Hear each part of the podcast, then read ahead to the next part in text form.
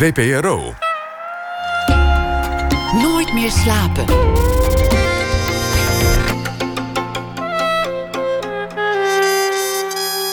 Met Esther Naomi Perquin. Goedenacht, welkom bij Nooit meer slapen. Vandaag bereikte ons geheel onverwacht het droevige bericht dat Karen de Bok is overleden. Een bijzondere vrouw en een zeer gewaardeerde collega. Meer dan 30 jaar werkte ze bij de VPRO. Begonnen bij de radio, waar ze programma's maakte als Het Gebouw en Michelangelo.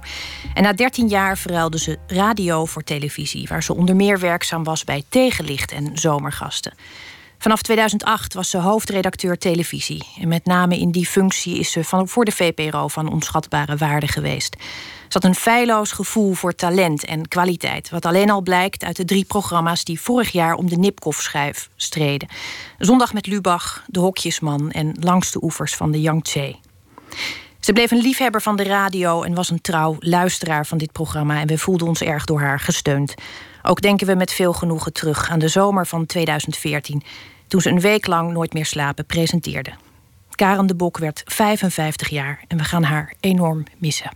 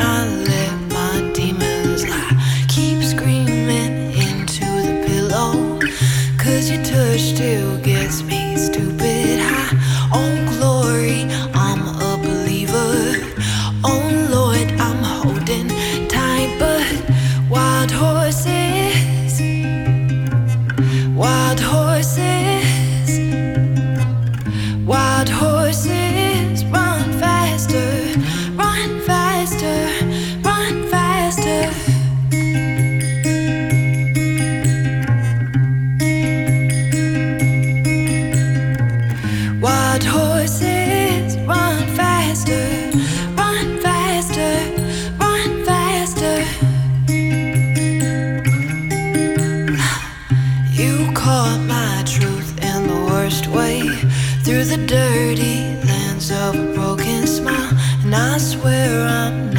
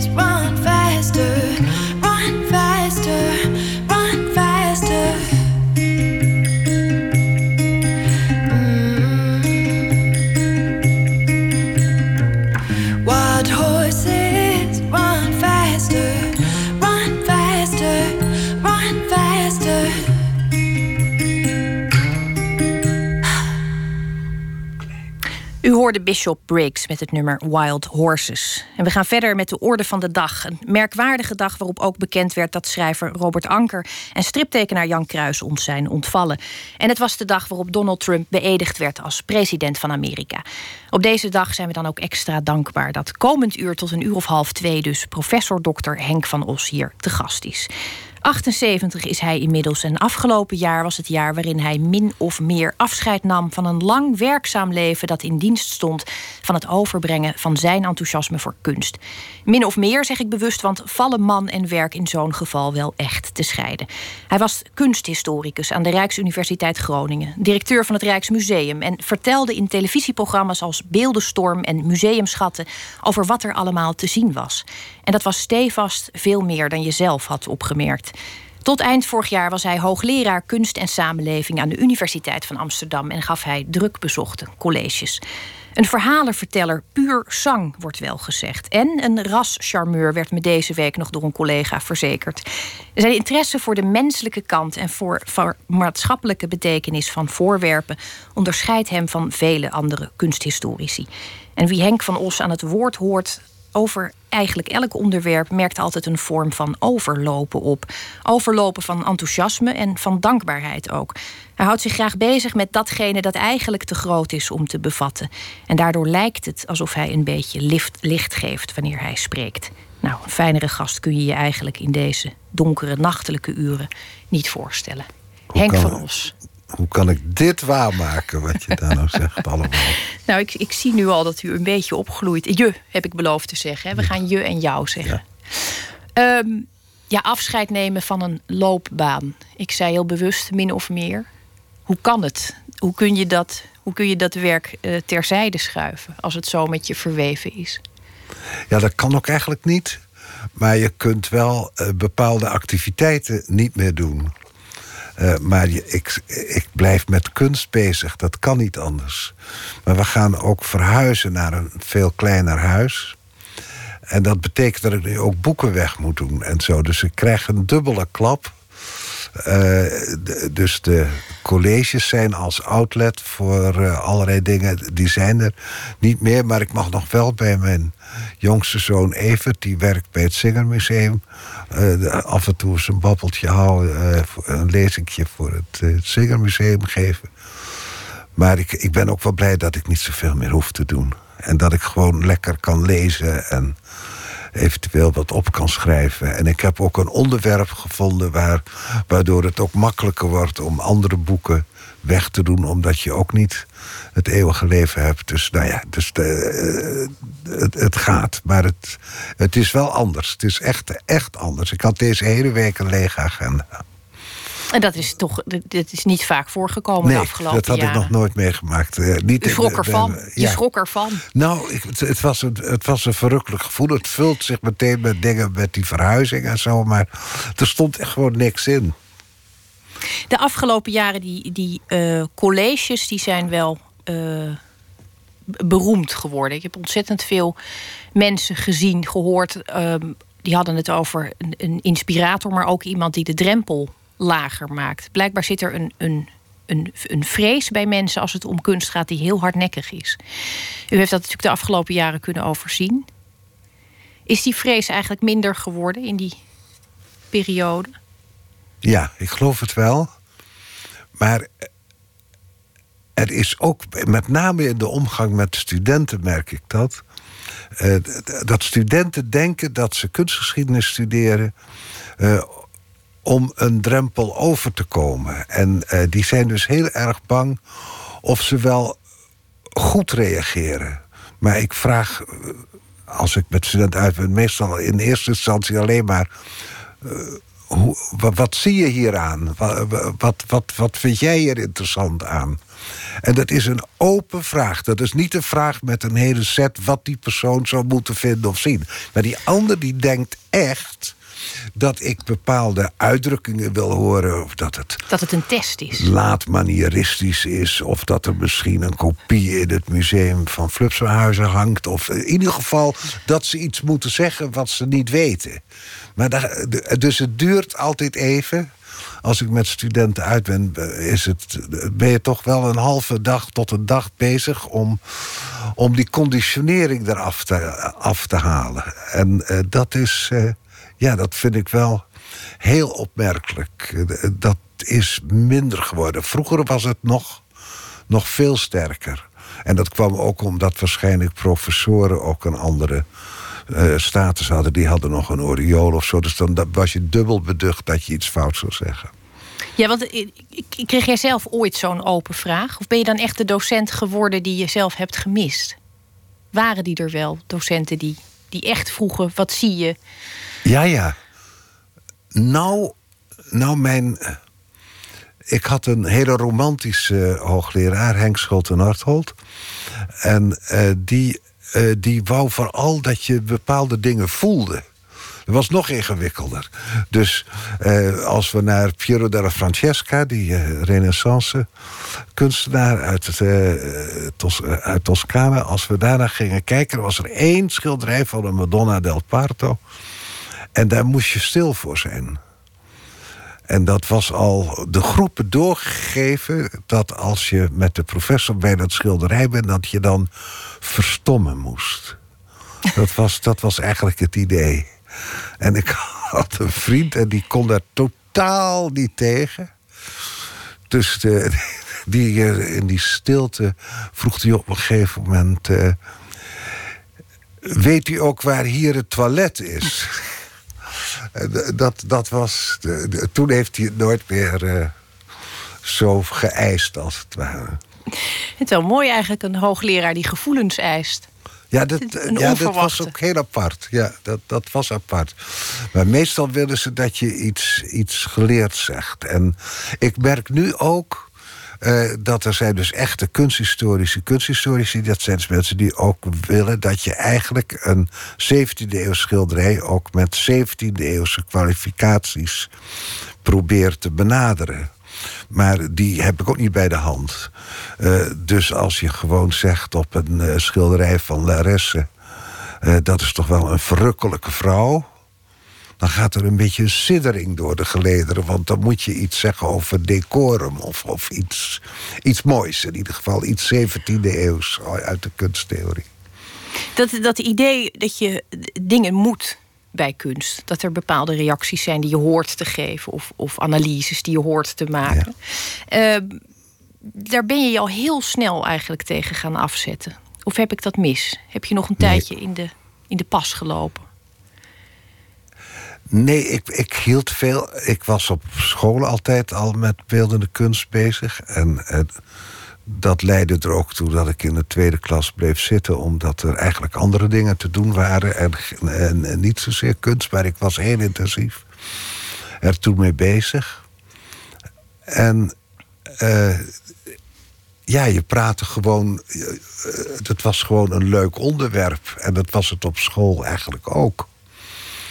Uh, dus ik, ik had helemaal geen idee dat je iets speciaal zou moeten. Uh, dus ik heb het nooit gehad. En toen ontdekte ik dat uh, ook uh, wissenschaft, hè, dat was toch ook wel heel belangrijk. Dus dat je hele moeilijke zinnen hanteert met enorme noten. Hè. Had, in die tijd heette dat iconologie. En dat was een heel serieus vak die naar de diepte voorstellingen analyseerde. Dat ben ik eigenlijk ook gaan doen.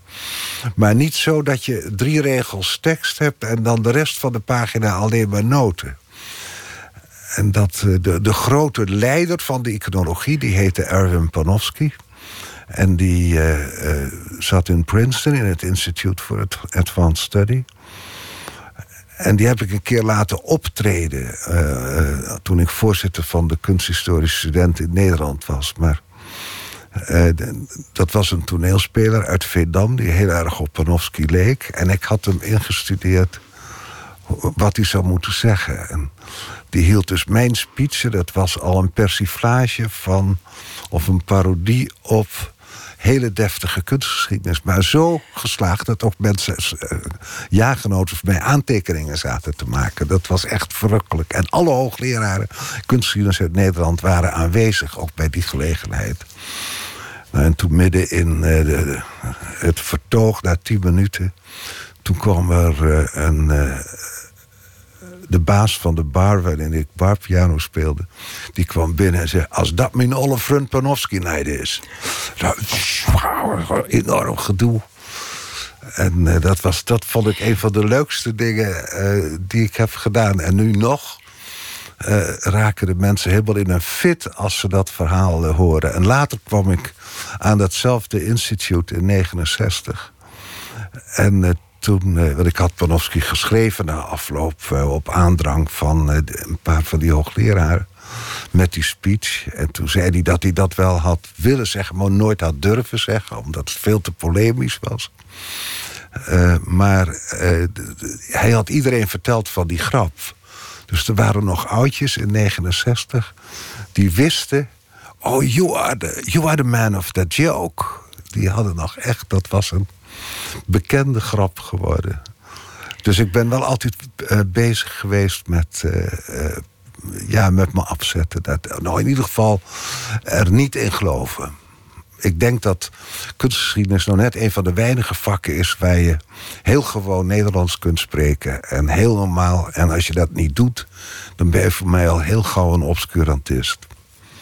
Wat was, wat was bij jullie thuis de beleving van kunst? Want daar eh, begint natuurlijk al een heleboel. Ik neem mijn zoons wel eens mee naar, naar Musea de 1 die liep daar rond de eerste keer in het museum. En die, eh, die vond zelfs de, de kraan, geloof ik. Of toen brandblusser stond ergens, vond hij ook prachtig.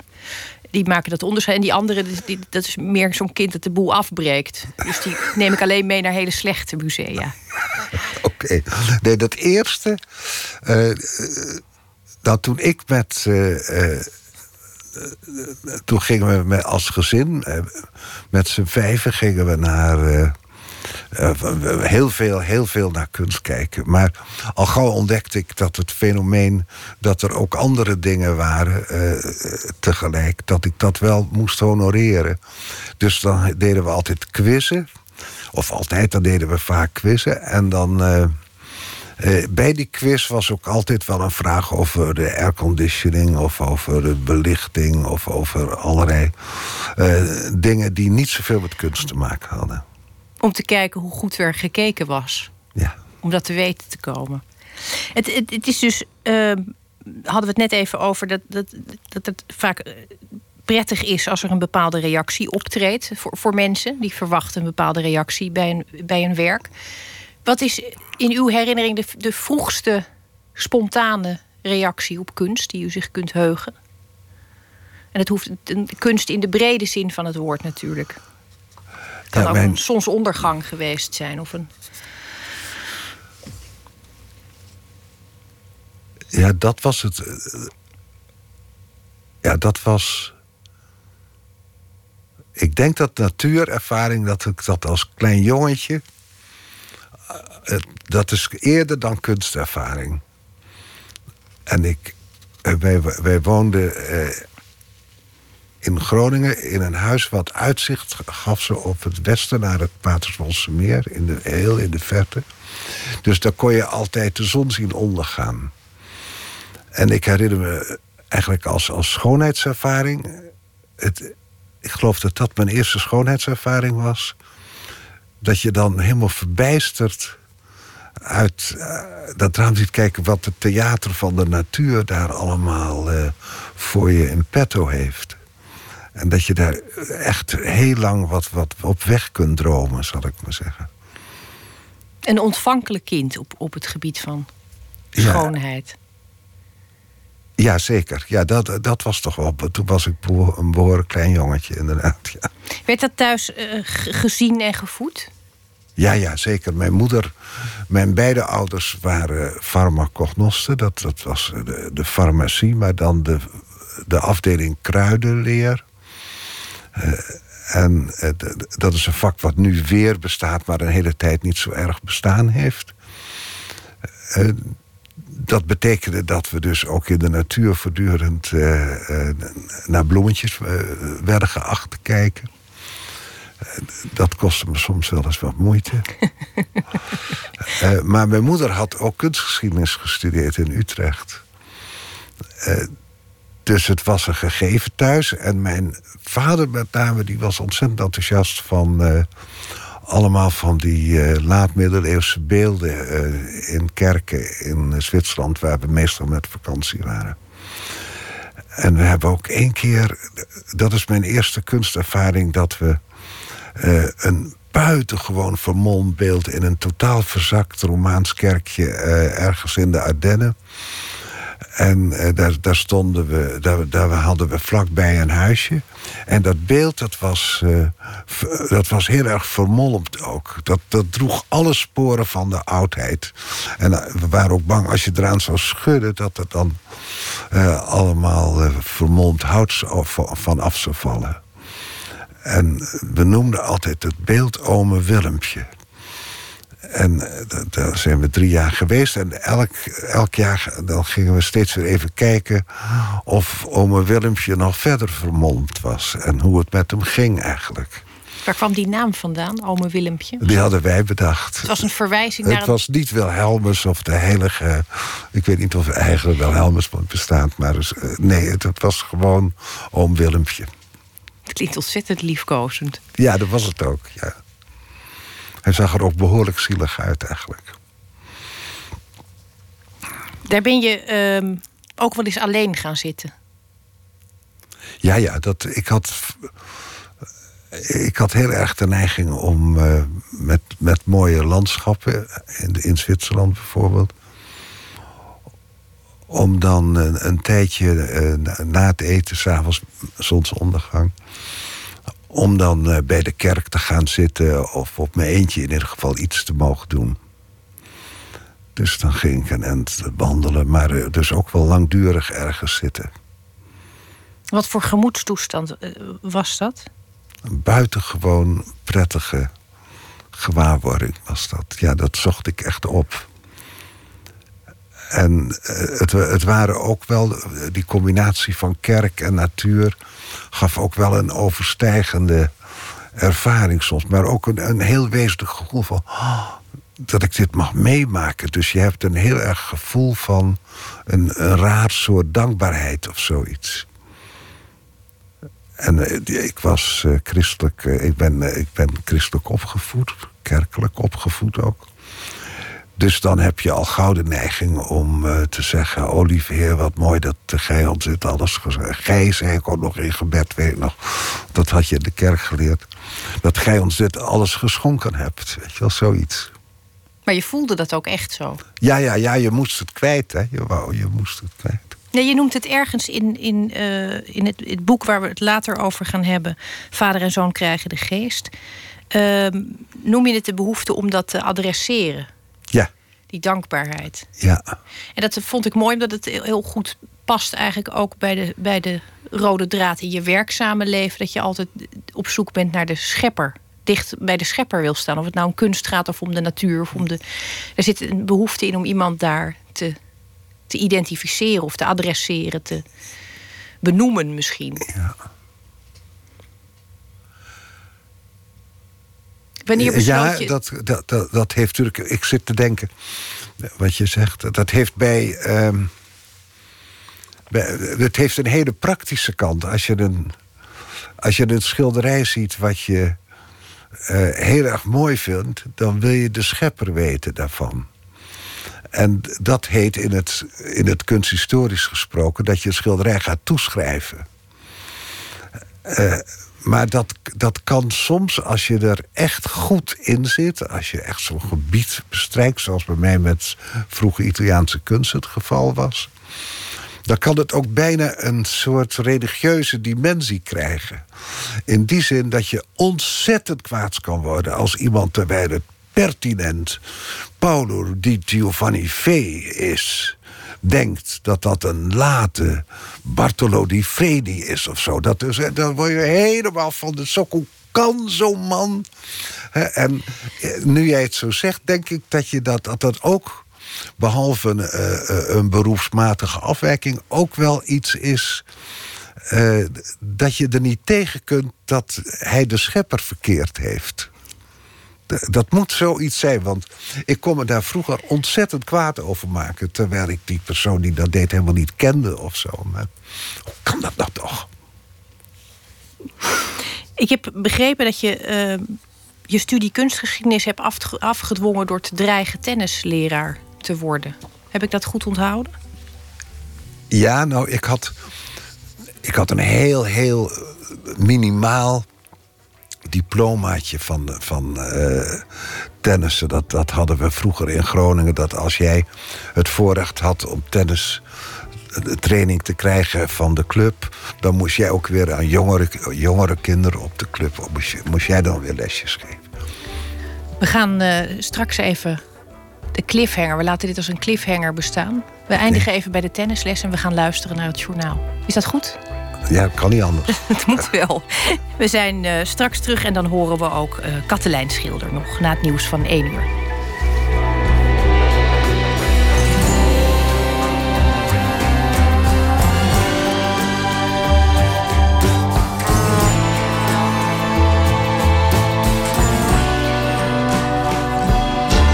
Op Radio 1, het nieuws van alle kanten.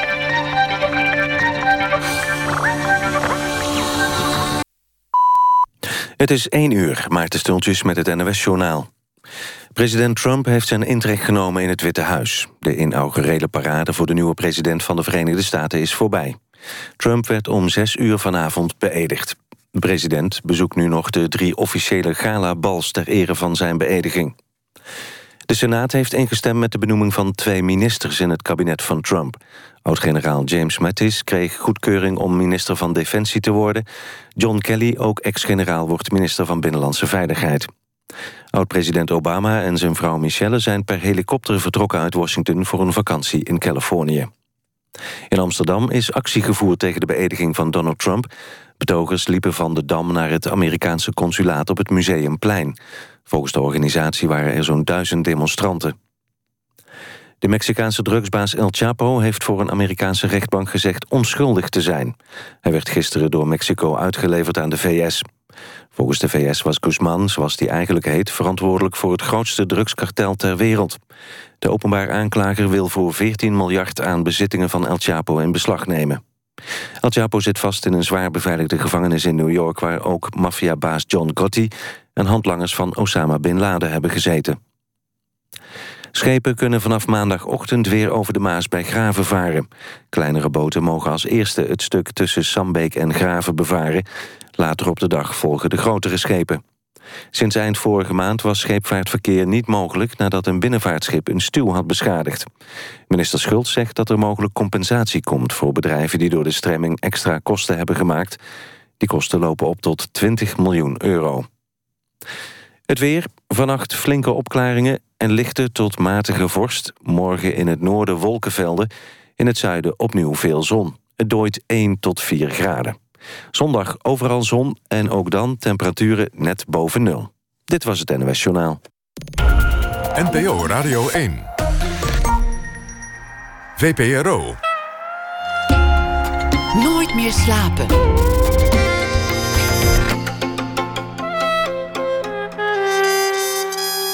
Met Esther Naomi Perquin. Goedenacht en welkom terug bij Nooit meer slapen. Tegenover mij zit nog steeds Henk van Os, die onlangs afscheid nam van zijn functie als hoogleraar kunst en samenleving aan de Universiteit van Amsterdam. En voor het nieuws hebben we het onder meer gehad over het wegdoen van boeken en over schoonheidservaringen en over willen weten wie de schepper is. En we eindigden met de cliffhanger over het tennisdiploma tennisleraarschap. Want ik zei eh, dat ik ooit eh, gelezen meen te hebben dat je je uh, studie kunsthistorie thuis hebt afgedwongen, min of meer. Bij je vader met name door te zeggen, door te dreigen dat je anders tennisleraar zou worden. Ja, dat is zo. Maar het was wel een bijzonder soort tennisleraar. Want eh, we, waren wel vaak ook in de zomer in de buurt van Kestaten. Daar had je van die hele grote, dure hotels. En daar waren jongens die uh, ietsje ouder waren dan ik. En die speelden met oudere dames daar. Onder andere speelden ze tennis. En, uh, je kijkt er veel betekenend bij. Ik nou heb ja, een, ik heb een beeld. Ik heb pas later begrepen dat dat gigolo's zijn. Maar een hele dure. Maar hoe dan ook... Uh, dat, dat uh, aanschouwde ik met mijn vader, die net op dat ogenblik bezig was om voor de zoveelste keer te zeggen dat kunstgeschiedenis, dat was geen vak voor mij. Voor, voor iemand, voor zijn zoon, zal ik maar zeggen. Was mijn vader toen rector van de universiteit, dus het, hij had toch dat vooroordeel heel erg, want Zo zei hij, eh, er waren twee dingen. Het eerste was dat ik had geen oom met een zilvercollectie... en anderszins was er ook weinig geld in de familie. En eh, bovendien zou ik toch nooit directeur van het Rijksmuseum worden.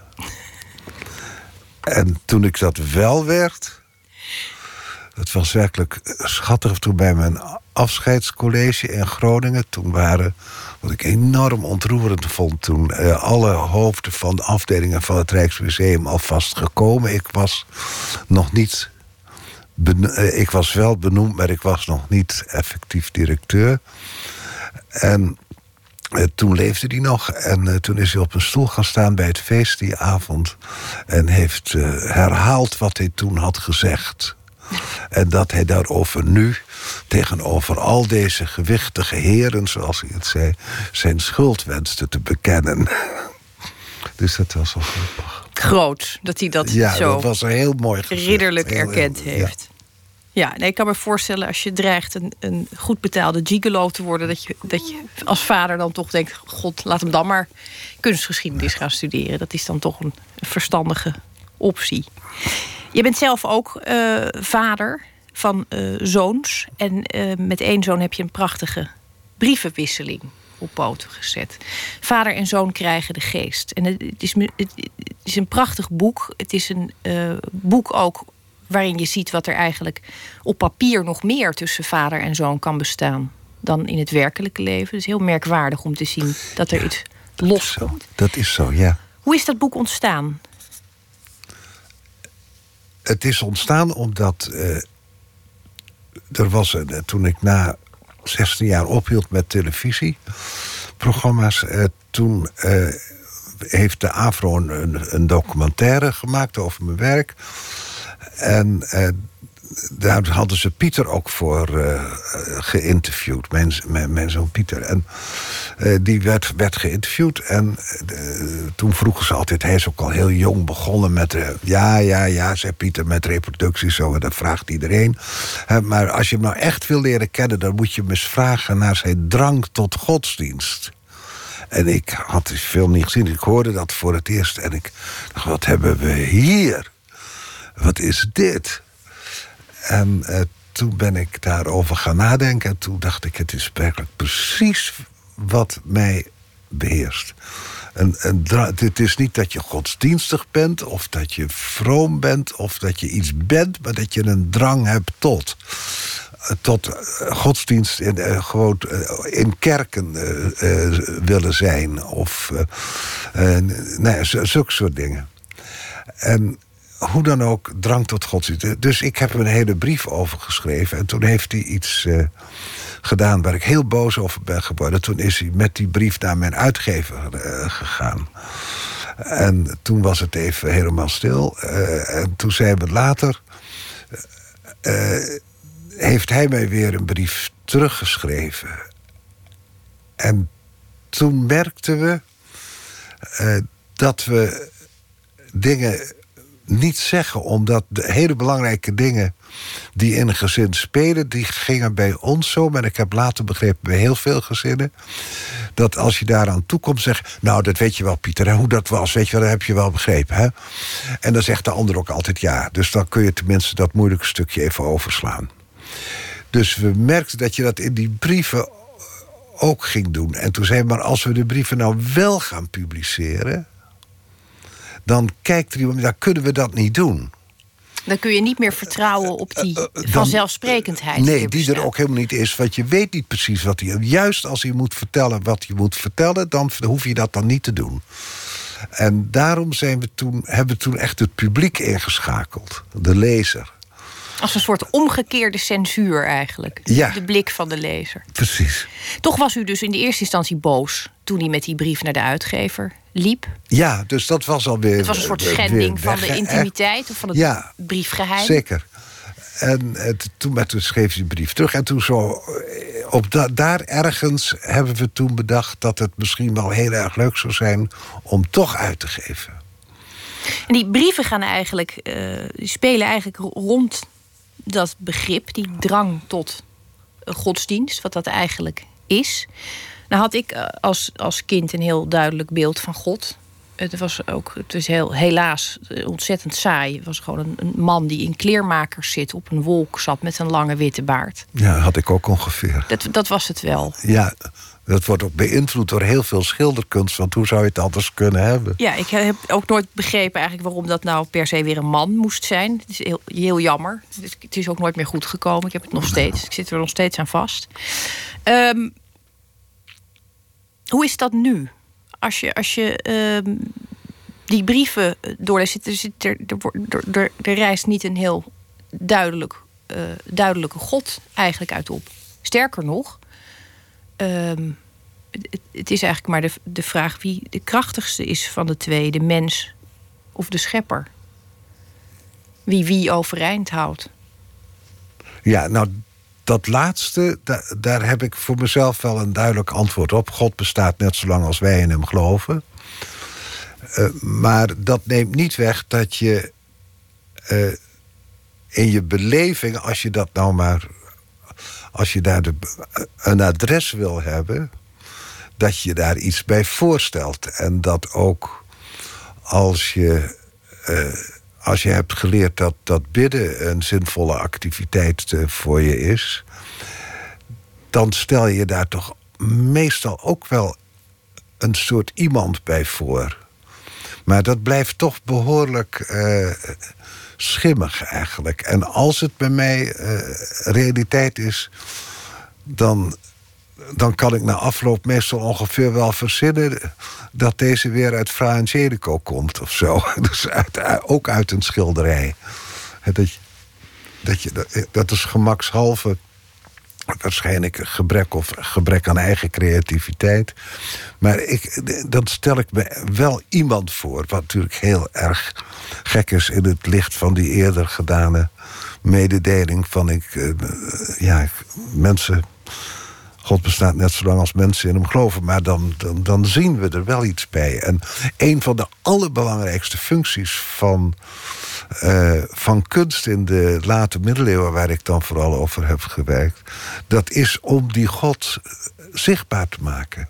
En Maria en Jezus, om daar, om, om, om daar richting aan te geven. En ook een soort focus te hebben voor je gebed. En voor je liturgie en voor al die dingen. Is er dan ook wel eens een, een, een afbeelding of een, een voorwerp in de buurt gekomen van die schoonheidsbeleving die je had met die, met die zonsondergang? Is er, is, is er dan wel iets goddelijks in die, in die kunst? Nou.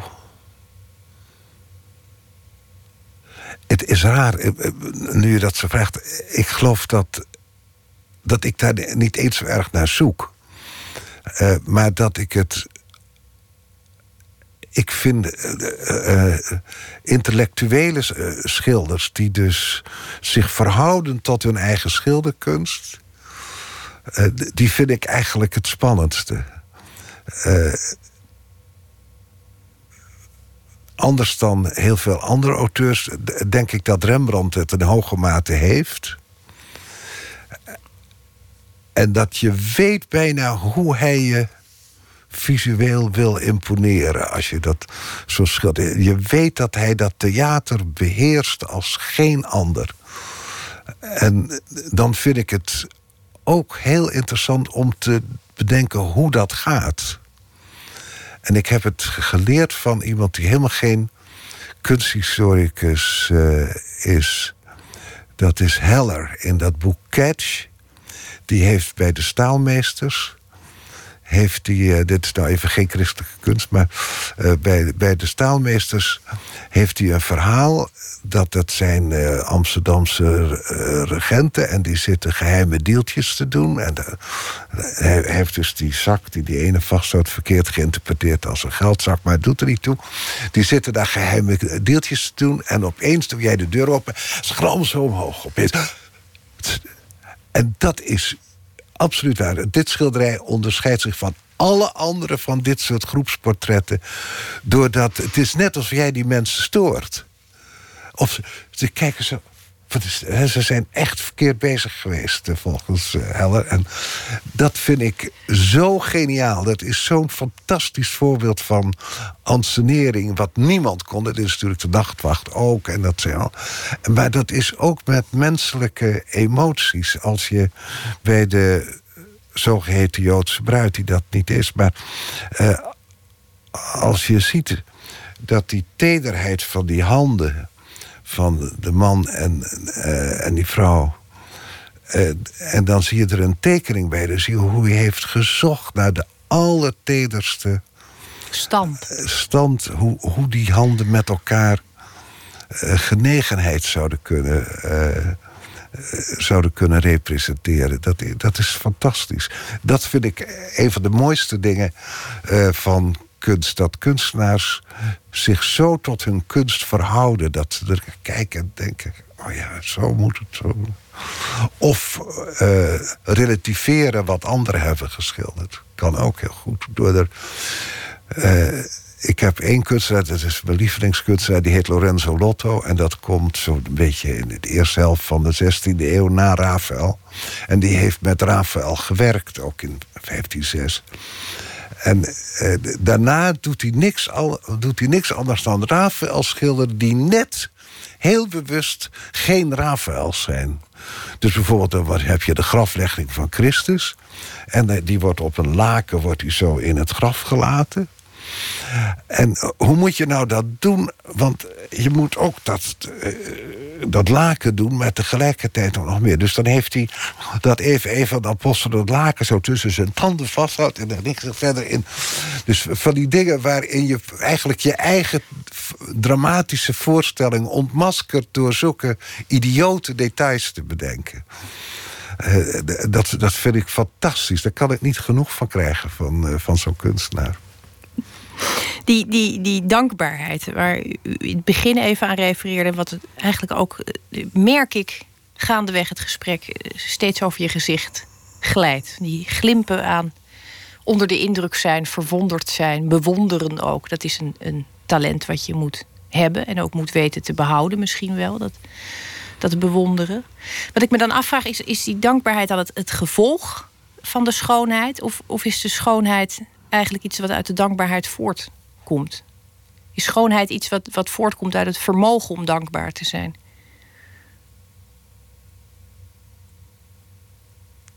Nou, je moet wel bereid zijn om, om dingen toe te laten in je, uh, om van schoonheid te genieten. Dus je moet vooral niet het gevoel hebben dat je compleet bent, geloof ik. Uh, dus er, er, moet, er, moet altijd iets in kunnen. Uh, dus in die zin begint het bij het kunstwerk, maar wordt er van jezelf ook een soort houding verwacht van. Uh, ja, ik, ik, ik, ben open, ik ben ontvankelijk. Ik, uh, er kan iets in. Er kan nou iets gebeuren. Of, of ik ben uit voor een ervaring. Zulke dingen. Dat, dat, dat moet je meebrengen. Of je dank, en, en dankbaarheid is dan een reactie op wat er daarna gebeurt, geloof ik. Maar ontvankelijkheid is wel essentieel. Je kunt. Ik geloof dat ik uh, altijd vrij snel weet of, of iemand dat heeft of niet. En je merkt het ook bij rondleidingen of bij gesprekken over kunst. Dat ja, de, je kunt ook over kunst praten op een manier die een extreme zelfvoldaanheid. Etaleert. Uh, ja, heel, heel vreemd. Van uh, dit, dit hebben wij of dit weten wij. Of, dus, dat, en dat, ja, dat vind ik altijd wel vrij erg eigenlijk als ik dat merk. Is die, is die perceptie van kunst bij het, bij het grote publiek, zal ik maar even zeggen, ehm, in jouw optiek veranderd? Zijn mensen, oh, ja. Komen mensen nog met die, met die openstelling? Of, of, of is het veel meer ook een. Uh, ja, ik zit nu al eigenlijk een beetje in te vullen. Dat moet ik helemaal niet doen. Laat ik het, laat ik het open laten. Is, is in de afgelopen jaren die, die perceptie bij het grote publiek anders geworden? Ja. Ja, het is duidelijk anders geworden. En dat komt ook omdat, of je het wil of niet, eh, je met veel meer mensen naar kunst kijkt dan dat vroeger het geval was. Uh, daar wordt dus ook heel erg over geklaagd. Uh, door die mensen, ook wel door die zelfvoldane, complete mensen... die nog even ter aanvulling van hun compleetheid door een museum lopen... omdat ze dat sponsoren of weet ik wat. En die heel geïrriteerd zijn als er opeens heel veel mensen met hen naar kunst kijken. Want het was toch, toch wel iets wat, wat echt een privilege hoorde te zijn. Of wat een privilege was een, een ja, een, iets extra's wat niet iedereen gegund uh, hoorde te worden dat heb je veel minder. Dat heb je veel minder. Ik heb wel eens een keer naast een, eh, een, een deftige mevrouw gestaan op een zondagochtend. Toen hadden we nou net half Helmond over om naar de kunst te kijken. Dan had ik een tijdje in die, in die leuke Schouwburg daar les gegeven een week. En dan ging iedereen met bussen en het was stampvol inderdaad. En we staan met heel veel mensen voor de nachtwacht. En die mevrouw zegt, professor... Wat moeten al die mensen toch met onze kunst? Dat heb je niet zoveel meer. Ja, tegelijkertijd zie je nu wel, als je uh, het Rijks inloopt, of, of willekeurig welke plek eigenlijk waar, waar je uh, kunst kunt aanschouwen, heb je heel vaak een hele stoet mensen met telefoons die foto's staan te nemen. En die, ja. ik denk dan wel eens, die mensen denken waarschijnlijk, ik loop daar even rond, ik maak foto, kijk thuis wel. Ja, de, de gemiddelde omloopsnelheid in een museum is verontrustend kort. En, maar dat, dat ligt ook wel een beetje aan, aan, aan ons museummensen eigenlijk. Want als je nou uit, weet ik waar, uit, uit uh, Nebraska komt en je gaat naar Amsterdam en je hebt een week en je gaat dan een dag naar het Rijksmuseum. Uh, dan wil je alles zien. Gewoon. Dat, dat kan niet anders. Want als je weer naar in Nebraska terug bent, denk je niet zo gauw, ik ga weer naar Amsterdam. Dus dat, uh, dat is zo. Maar dan zouden wij eigenlijk iets moeten doen. Eh, dat je zegt, een, je kunt een masterpieces tour kun je ontwikkelen. Maar je zou in ieder geval mensen uit Amsterdam moeten zeggen. Probeer niet iedere keer zo helemaal rond. Het museum is er morgen ook nog, zeg. Ik bedoel, hè, rustig aan. Twee zalen vandaag. En dat is meer dan, dan genoeg. En er is nu ook behoorlijk veel informatie bij. Je kunt op allerlei manieren daarmee bezig zijn. Bijvoorbeeld mijn, mijn kleindochters die uh, houden enorm van tekenen, heb ik ontdekt. Uh, dus dan heb ik me al helemaal voorbereid op een uh, nuttige, educatieve kleine tour. Maar die kinderen die pak krijgen dan beneden bij de balie van iemand krijgen ze een, een, een, tekenboekje. En dan gaan ze, daar heb ik helemaal niets meer te vertellen. Zijn ze een uur of twee zijn ze bezig om te tekenen. En dat, dat vind ik. Eh, daar moet je eigenlijk meer naartoe. Dat je zulke dingen uh, doet waardoor je kunt concentreren op een paar dingen. En niet allemaal gevoel hebt dat er van alles moet in een, in een museum. Uh, en ik geloof dat, dat men daar toch wel redelijk goed in, in slaagt eigenlijk. Maar het kan nog beter. De, de andere kant van onze kunst zoals die mevrouw dat uitdrukt. Wat moeten al die mensen met onze kunst? De andere kant is iemand die echt verliefd wordt op één werk. En ik kan me niet anders eigenlijk voorstellen dat er zulke mensen ook in het Rijks in de jaren dat u daar rondliep zijn geweest. Mensen die voor altijd voor één werk komen. Ja. Kent, u, kent u ze? Uh, heel af en toe. En één was een uh, buitengewoon uh, ontroerende persoon. Dat was iemand uit, uit Iran. En die was om mij onbekende reden een, uh, een tijdje in. Uh, het had met weefkunst te maken in ieder geval. Hij, hij, maakte tapijten.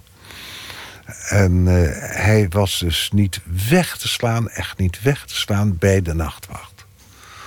Dat vond hij met het licht, het van die vrouw uitgaat erachter en hoe die hoe dat allemaal werkt en die bewegingen, die gebaren. Hij, hij, kwam weer terug en dan, hij nam het schilderij echt per stukje, nam hij helemaal door. Dus dat vond ik. En, en toen wat gebeurde was dat ik met kerst kreeg ik nog wel eens kaartjes van uh, bezoekers van het Rijksmuseum. En toen was er opeens een, uh, uh, een kaartje van die man uit Teheran. En er was een foto bij waarin hij naast een tapijt staat van de nachtwacht, maar op ware grootte. Dus het was een fantastische ervaring. Ik, ik heb die foto altijd bewaard. Uh, ik vind het zo mooi. Dat had je dus wel vaker. Dat mensen.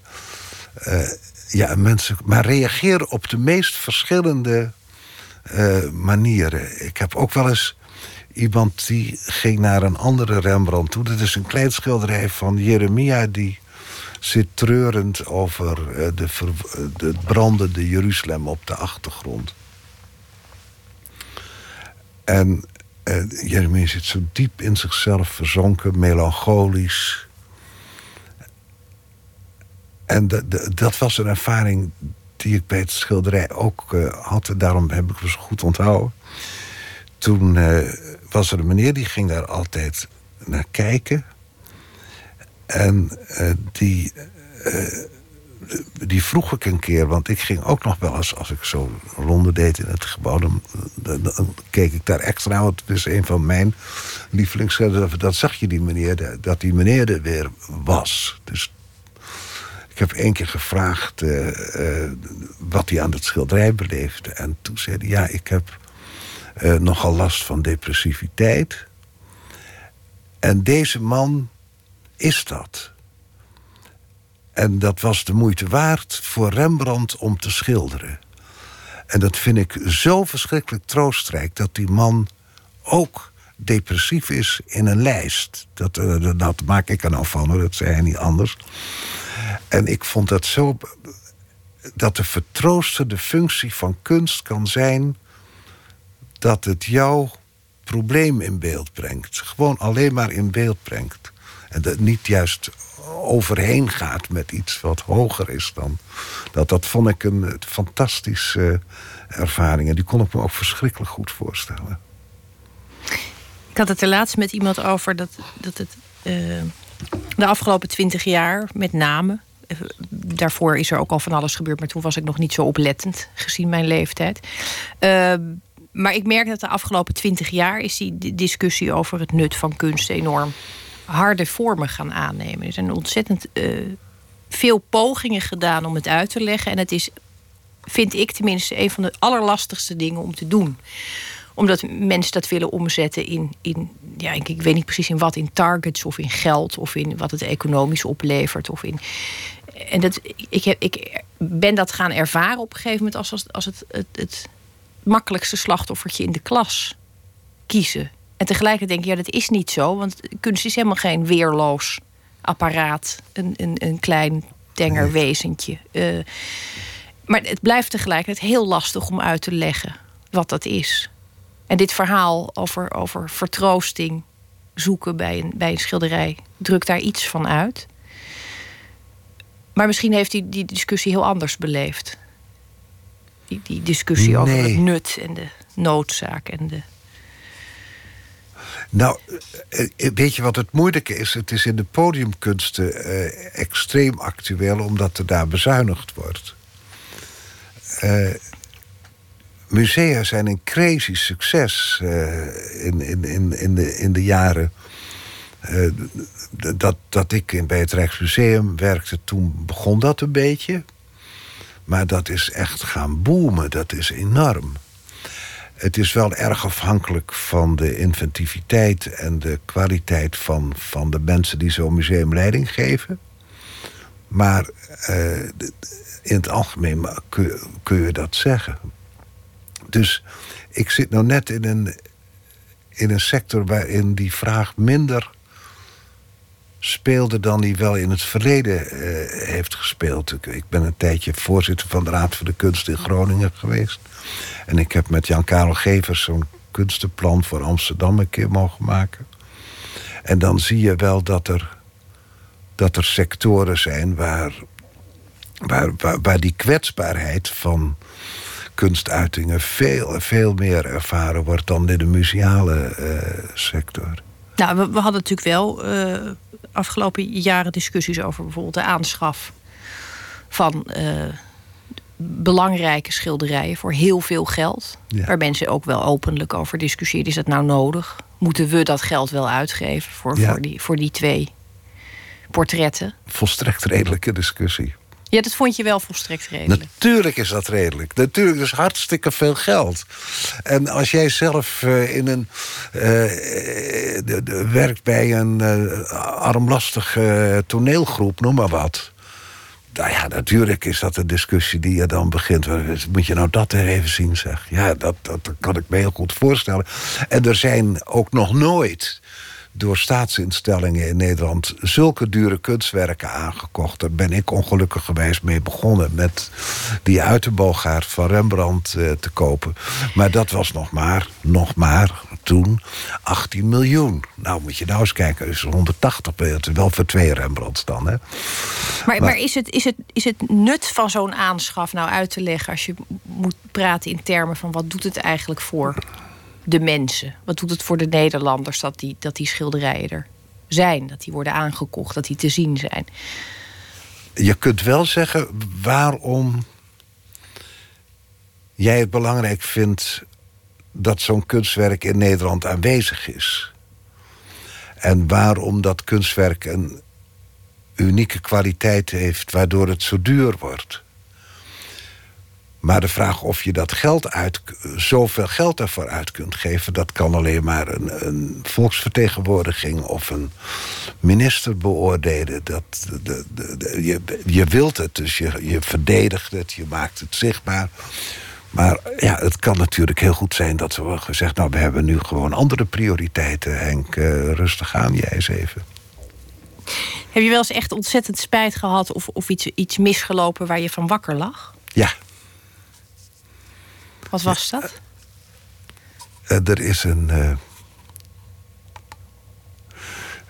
Nou, ik had één keer iets voor mezelf willen kopen. Ik ben niet zo goed iemand in in zelf verzamelen. Uh, ik ben geen verzamelaar. Maar ik, ben, ik hou heel erg van uh, celadon. Dat, zijn van die, uh, dat is een soort aardewerk. En dat, dat heb je vooral in Japan en in Korea en in de, nou, in de Aziatische landen. En dat is hartstikke duur. Uh, dus dat vond ik gewoon heel mooi. Ik vind het zo prachtig. Uh, dat ik dacht, ik wil altijd een paar, een paar dingetjes van Celadon. Een paar van die kommetjes of zo. En toen was ik bij een opening van een kunstbeurs in Breda.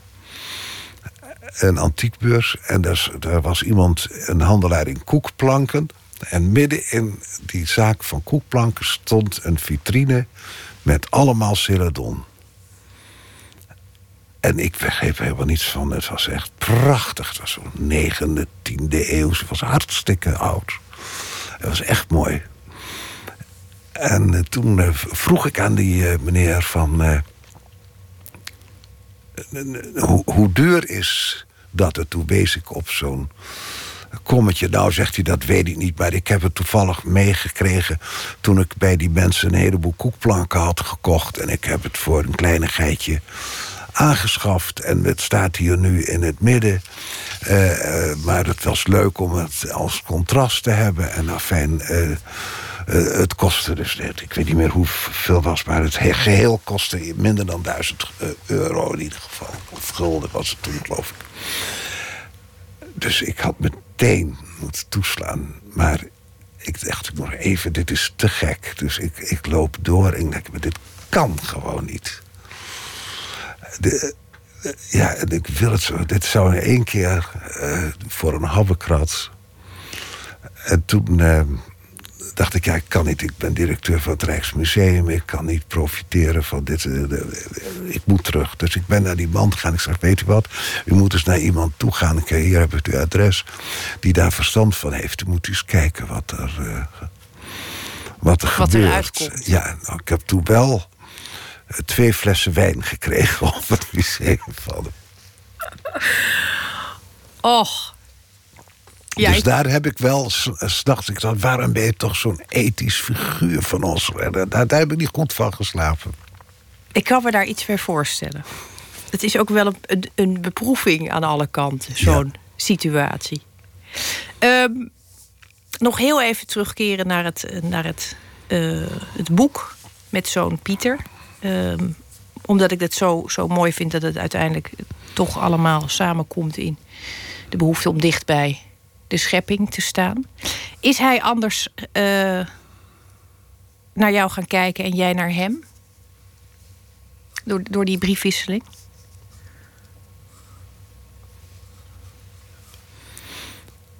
Ja, ik denk dat dat. Ja, want we hebben er ook tussendoor nog wel besprekingen gehad. Over de vraag.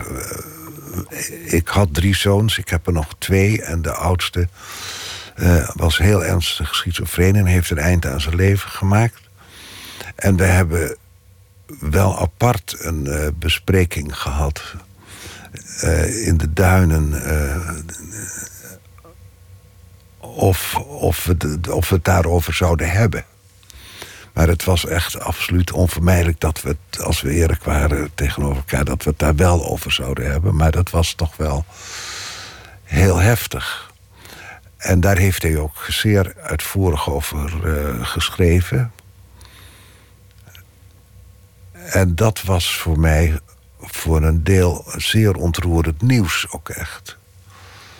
En zo waren er ook nog wel een heleboel andere eh, eh, dingen. We hebben samen ook ervaringen gehad. Hij wou pertinent met mij naar een eh, eh, uiterst eh, fundamentalistische kerk in de Bijbelbelt. En toen hebben we dus, en dat hebben we ook beschreven, toen, toen zijn we een dagje naar Venendaal geweest. Waar inderdaad op zondag bijna geen auto's reden. Dus het, eh, dat, dat was er in het buiten. Dus je had ook ervaringen die je nog nooit had gehad, maar die hadden we dan samen. Dus nee, nee we, we zijn wel anders met elkaar. Ja, er is toch iets. Er is, eh, iets is een beetje anders geworden. Een beetje gemakkelijker geworden, geloof ik. Nou, ook dat is uiteindelijk weer iets om dankbaar voor te zijn. Wij waren heel erg eh, blij met je aanwezigheid vannacht. Om meerdere redenen. Ik vond het heel fijn dat je er was. Henk van Os, dank je wel. Graag gedaan.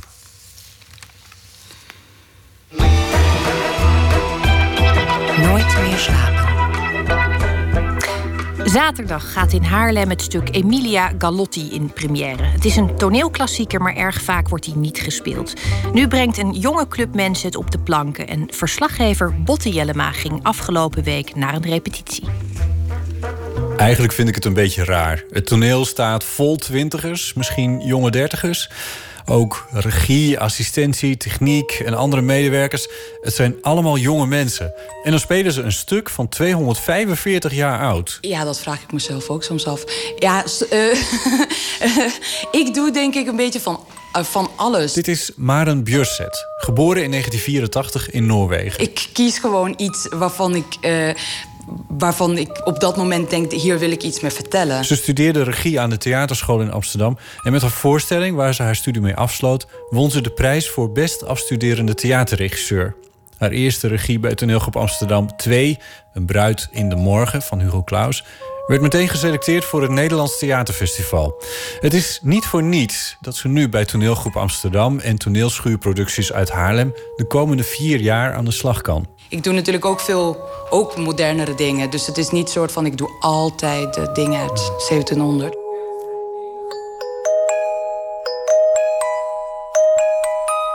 Maar nu Emilia Galotti. Het verhaal van een jonge vrouw die een speelbal is in een grimmig spel. Ze lijkt een machteloos object. Eh, Ik zie Emilia bijvoorbeeld op dat bed eh, zitten, liggen. Het is een rond bed wat in het midden staat, wat ook rond kan draaien. En dat is Emilia's bed, hè? Eh, ja. En is zij dus het, het middelpunt of is zij een speelbal? Wat is zij? Ja, alle twee. Uh, ze is zeker het middelpunt, want alles draait om haar. En zonder dat zij bestond of zonder dat zij met die graaf ging trouwen... dan was dit helemaal niet aan de hand geweest. Dan was er ook geen probleem geweest. Um, en ik denk dat het voor mij... Ja, dat het een bed is. Dus een bed betekent natuurlijk veel. Dat, uh, dat is uh, waar je geboren wordt of waar je volwassen wordt of uh, waar je doodgaat. En kan je veel associaties. Maar het is ook hier een soort van een meisjesbed crossover met een soort van porno-achtige bed. Dus dat roept ook associaties op. En zij gaat daar ook van allerlei dingen op. ja, ik weet niet. We zijn wel een soort van subtiel aan het zoeken naar, naar beelden. Wat, volgens mij bij het publiek wel associaties gaan oproepen met, uh, met projectie van wat je dan verwacht van een jonge vrouw eigenlijk. Mhm. Dat gaan we niet helemaal uitbeelden dat ze een soort van seksposities doet de hele tijd op dat bed. Maar alleen dat het er is en dat het er draait. En dat mensen de hele tijd om dat bed eigenlijk uh, ja, gesprekken gaan voeren of gevechten gaan uitoefenen of uh, doen met elkaar. Dan, ja, dat vertelt volgens mij best wel veel. Um, en, uh... Wat zijn de verwachtingen aan een jonge vrouw, ook in deze tijd? Dat, dat bedoel je? Ja, ja. We zijn mensen, Emilia. Voor de hemel is willen bidden ook bidden. En willen zondigen ook zondigen? Dat wilde mijn Emilia toch niet? Rustig nu, probeer te beheersen. En, en ik hou er dan heel erg van dat in het theater dat dat dan in een andere werkelijkheid, een soort van uitvergroot of een beetje vervreemd, of uh, dat op die manier verteld kan worden. Dus we zoeken geen. Uh, naturalisme, zeg maar. We, we, zoeken juist, ja, wie is de, een, een uh, lullige heerser van onze tijd... die ineens heel veel macht heeft? Nou ja, je kan er een paar noemen. En bij ons heet hij de prins. En uh, draagt hij een, een kostuum wat een beetje refereert terug naar die tijd... maar ook een beetje modern is. Dus hij is dan voor mij wel een soort van... ja, we noemen hem ook gewoon de prins. Mm -hmm. Jazeker, er is een prins. Die wordt gespeeld door Jip van den Dol. We zijn in een, in een dorpje, een stad in Italië, ja. Guastalla, waar een prins uh, regeert over dat, dat rijkdom. Dat ben jij dan? Dat ben ik, prins, de prins van Guastalla. Een verwend persoon, een vlierenfluiter, heeft veel affaires. Die doet waar hij zin in heeft en gewend is dat hij krijgt wat hij wil. De prins wordt verliefd op Emilia, een burgermeisje. Waar het niet dat er een groot probleem is, Emilia gaat vandaag trouwen met graaf Appiani. Emilia en de graaf zijn van plan om daarna te vertrekken naar de bergen. Weg uit de stad waar de prins regeert. Het is nu of nooit, daar hangt het een beetje vanaf. En de prins heeft een handlanger, Marinelli, een soort de jago van, uh, van dit stuk. En samen bereiden ze een plan voor om nou, Emilia toch uh, bij hem te krijgen in zijn lustslot. Oké, okay, dus wat, dit stel jij voor, dit stel jij voor. Ik geef jou een handjevol soldaten van mijn compagnie mee... en daarmee leg jij je langs de openbare weg in een hinderlaag valt die koets aan, rooft er Emilia uit en brengt haar vervolgens in triomf naar mij toe. En dan zijn er ook nog Emilia's vader en moeder. Nou ja, zo ontstaat er een soort machtsspel waarin Emilia, Emilia heen en weer wordt geslingerd tussen allerlei mensen die iets van haar willen of iets van haar verwachten. Maar waarin ze zelf eigenlijk geen keuze meer heeft. Totdat Emilia op het laatst wel het heft in eigen handen neemt. Dat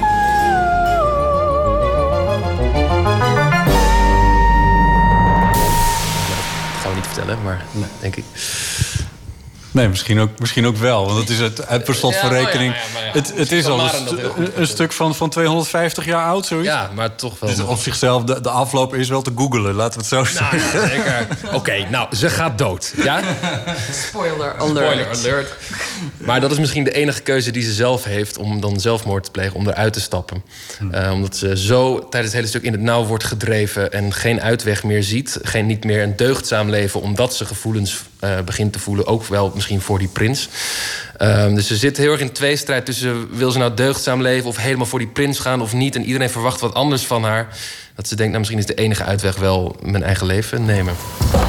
Wat een man. Al die steile deugdzaamheid voor zover ze die naam verdient. Emilia Galotti is een meisje dat in de basis geen zeggenschap over zichzelf heeft. Zeg maar als ongeschreven maatschappelijke regel waar iedereen vanuit gaat speelbal van verwachtingen aan jonge vrouwen. En dat was in 1772 zo. Maar als je er even over nadenkt, is dat in 2017 nog steeds zo? We hebben veel gesproken over het twice as good gevoel. Dus uh, de, dat als je bijvoorbeeld uh, een vrouw bent of je bent, uh, je hebt, je bent donker of je, hebt, bent homoseksueel of weet ik veel, gewoon één van die minoriteiten of zo, dan moet je gewoon nog je meer bevestigen, soms, om, om twice as good te zijn, om gewoon in aanmerking te komen. Dus bijvoorbeeld Barack Obama, bijvoorbeeld, hij moet natuurlijk zo zuiver en weet ik veel wat, hij is gewoon zo goed iemand.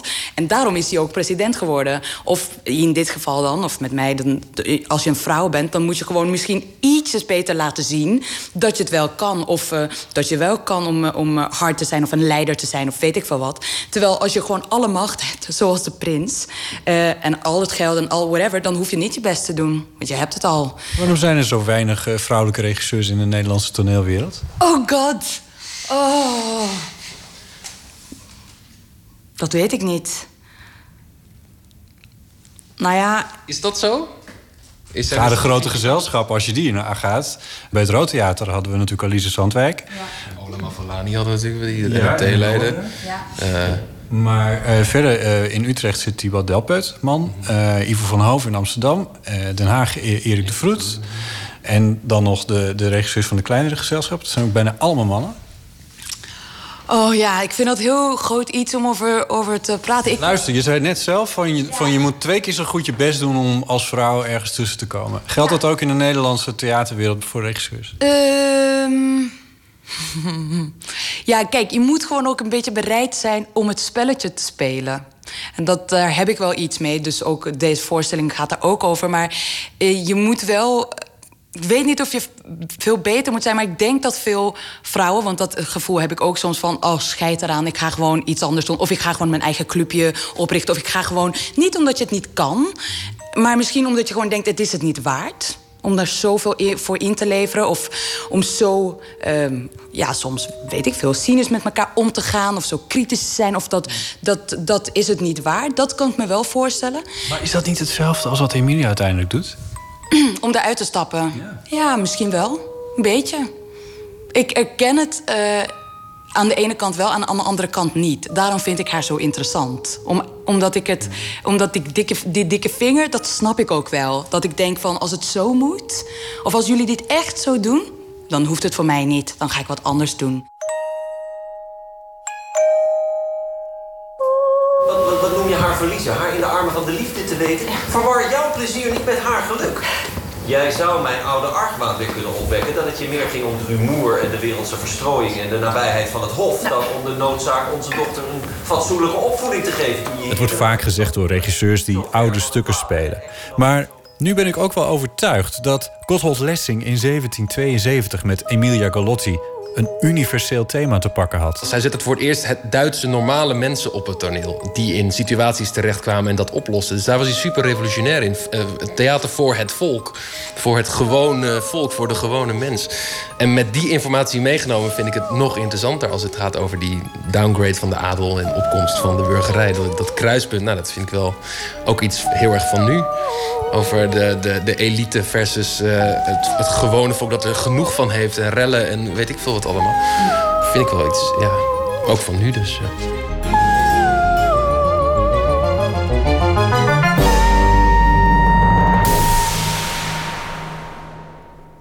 Regisseur Maren Bjurset en acteur Jip van den Dol over het stuk Emilia Galotti. Het wordt gemaakt door TA2 van Toneelgroep Amsterdam en Toneelschuurproducties uit Haarlem. En het stuk is tot 18 februari in verschillende theaters in het land te zien. Een bijdrage was dit van Botte Jellema. Donald Trump is beëdigd als nieuwe president van de Verenigde Staten. En hadden ze daar nou een beetje beter geluisterd naar de soulband Harold Melville en de Blue Notes? Wij gaan dat alsnog doen. Hier is Wake Up Everybody.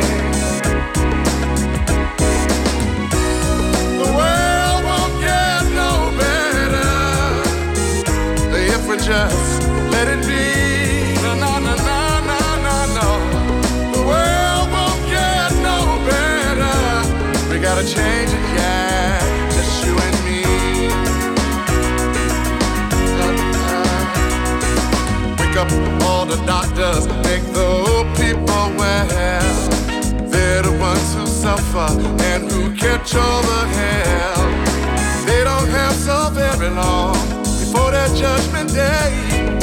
Won't you make them happy before they pass away? Wake up all the builders, time to build a new land. I know we can do it if we all lend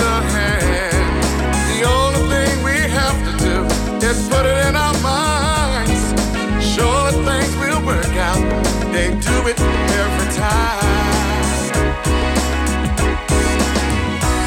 The world won't get no better if we just let it be. No, no, no, no, no, no. The world won't get no better. We gotta change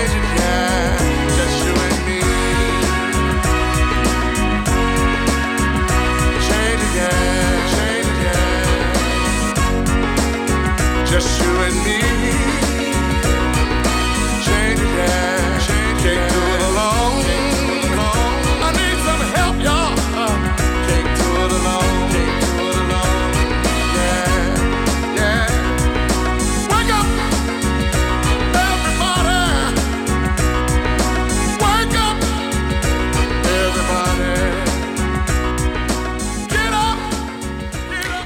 Harold Melville en de Blue Notes met het nummer Wake Up Everybody.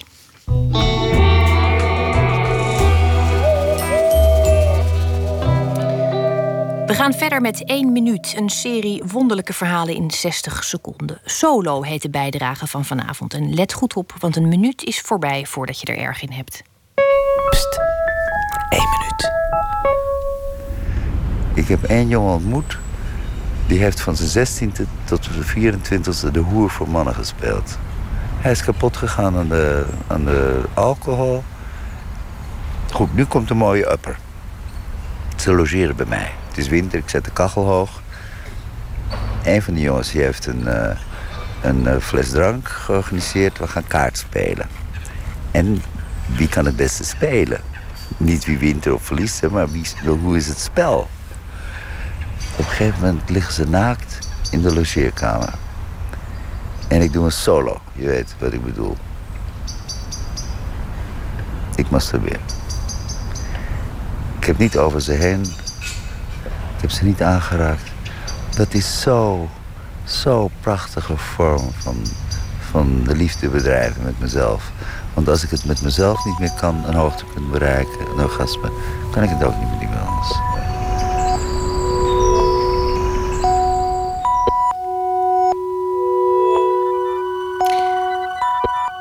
hoorde een 1 minuut gemaakt door Joost Wilgenhof met dank aan het Mediafonds. En maandag hoort u er weer een in Nooit meer slapen.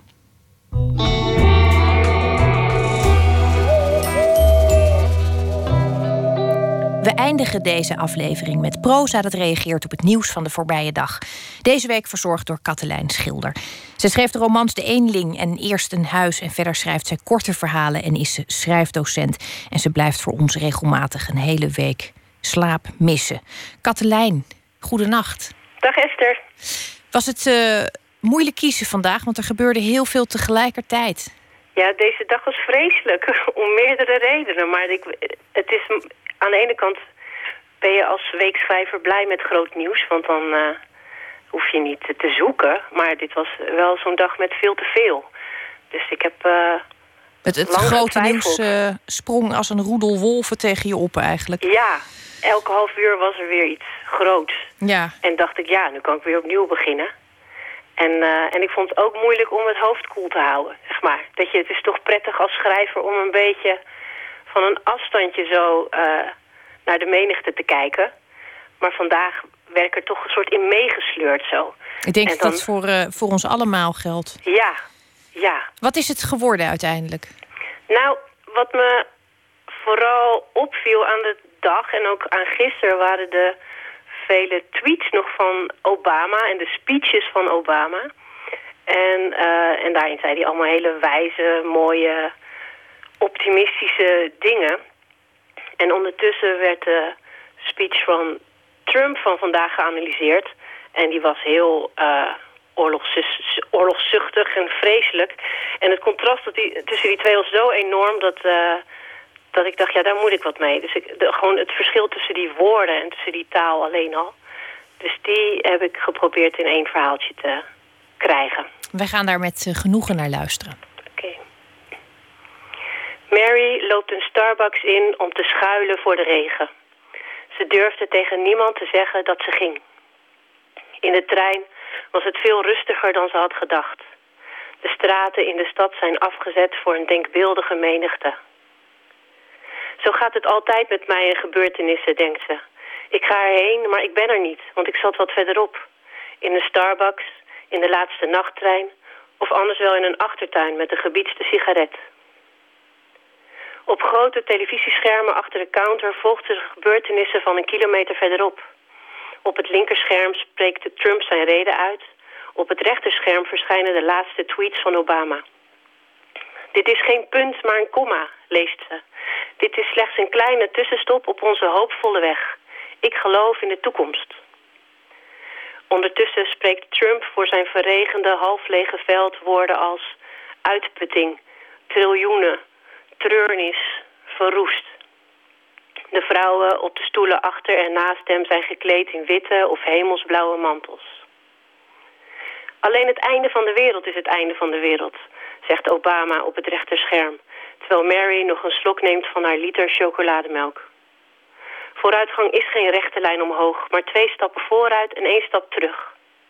Zijn lach boezemt vertrouwen in. Op het linkerscherm hoort ze in de speech van Trump de woorden bloedbad, verscheurd, grafsteen, weggespoeld. En meteen op rechts tweet Obama, zolang we samenwerken, zolang we hoopvol naar de toekomst kijken, kan er niets gebeuren. Ik heb vertrouwen in onze vastberadenheid, in onze droom. Mary is nog driekwart liter loeihete chocolademelk verwijderd van een lege beker. Driekwart liter niemandsland. Dan loopt ze de stad weer in. Een lege tribune op de route naar het Witte Huis.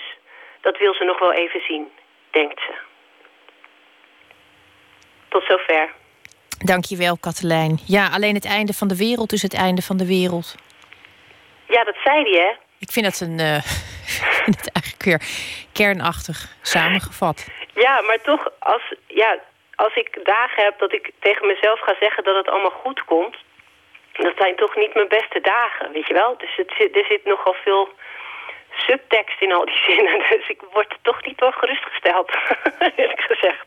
Nee, maar er is uiteindelijk, eh, vrees ik, toch weinig dat ons eh, eh, geruststelt. Het, het feit dat je jezelf kunt blijven geruststellen is misschien wel het meest geruststellende. dat is waar. En daar moeten we het dan maar mee doen. Dat doen we gewoon nog eventjes. We, we blijven die pogingen gewoon wagen. Ja. Heel hartelijk dank voor je bijdrage deze week. En ik wens je volgende week een, een, een veel betere en lekker vroeg naar bed en, en Oh, ja. mooie dromen en zo. Dankjewel, heel graag gedaan. Tot gauw. Joe. Dag. Ik vertel nog iets over maandag. Dan komt schrijfster Helene van Rooyen langs. Op het International Film Festival in Rotterdam gaat volgende week haar eerste film in première. Het doet zozeer. Een documentaire over haar moeder, bij wie beginnende dementie is geconstateerd. En acteur Reinoud Scholte van Aschat komt ook langs om te praten over de toneelbewerking van Jack Kerouac's roman On the Road. Dat allemaal maandag, dan is onze eigen Pieter van der Wielen er weer. Straks kunt u luisteren naar Joop Radio. En ik wens u voor nu een hele mooie nacht.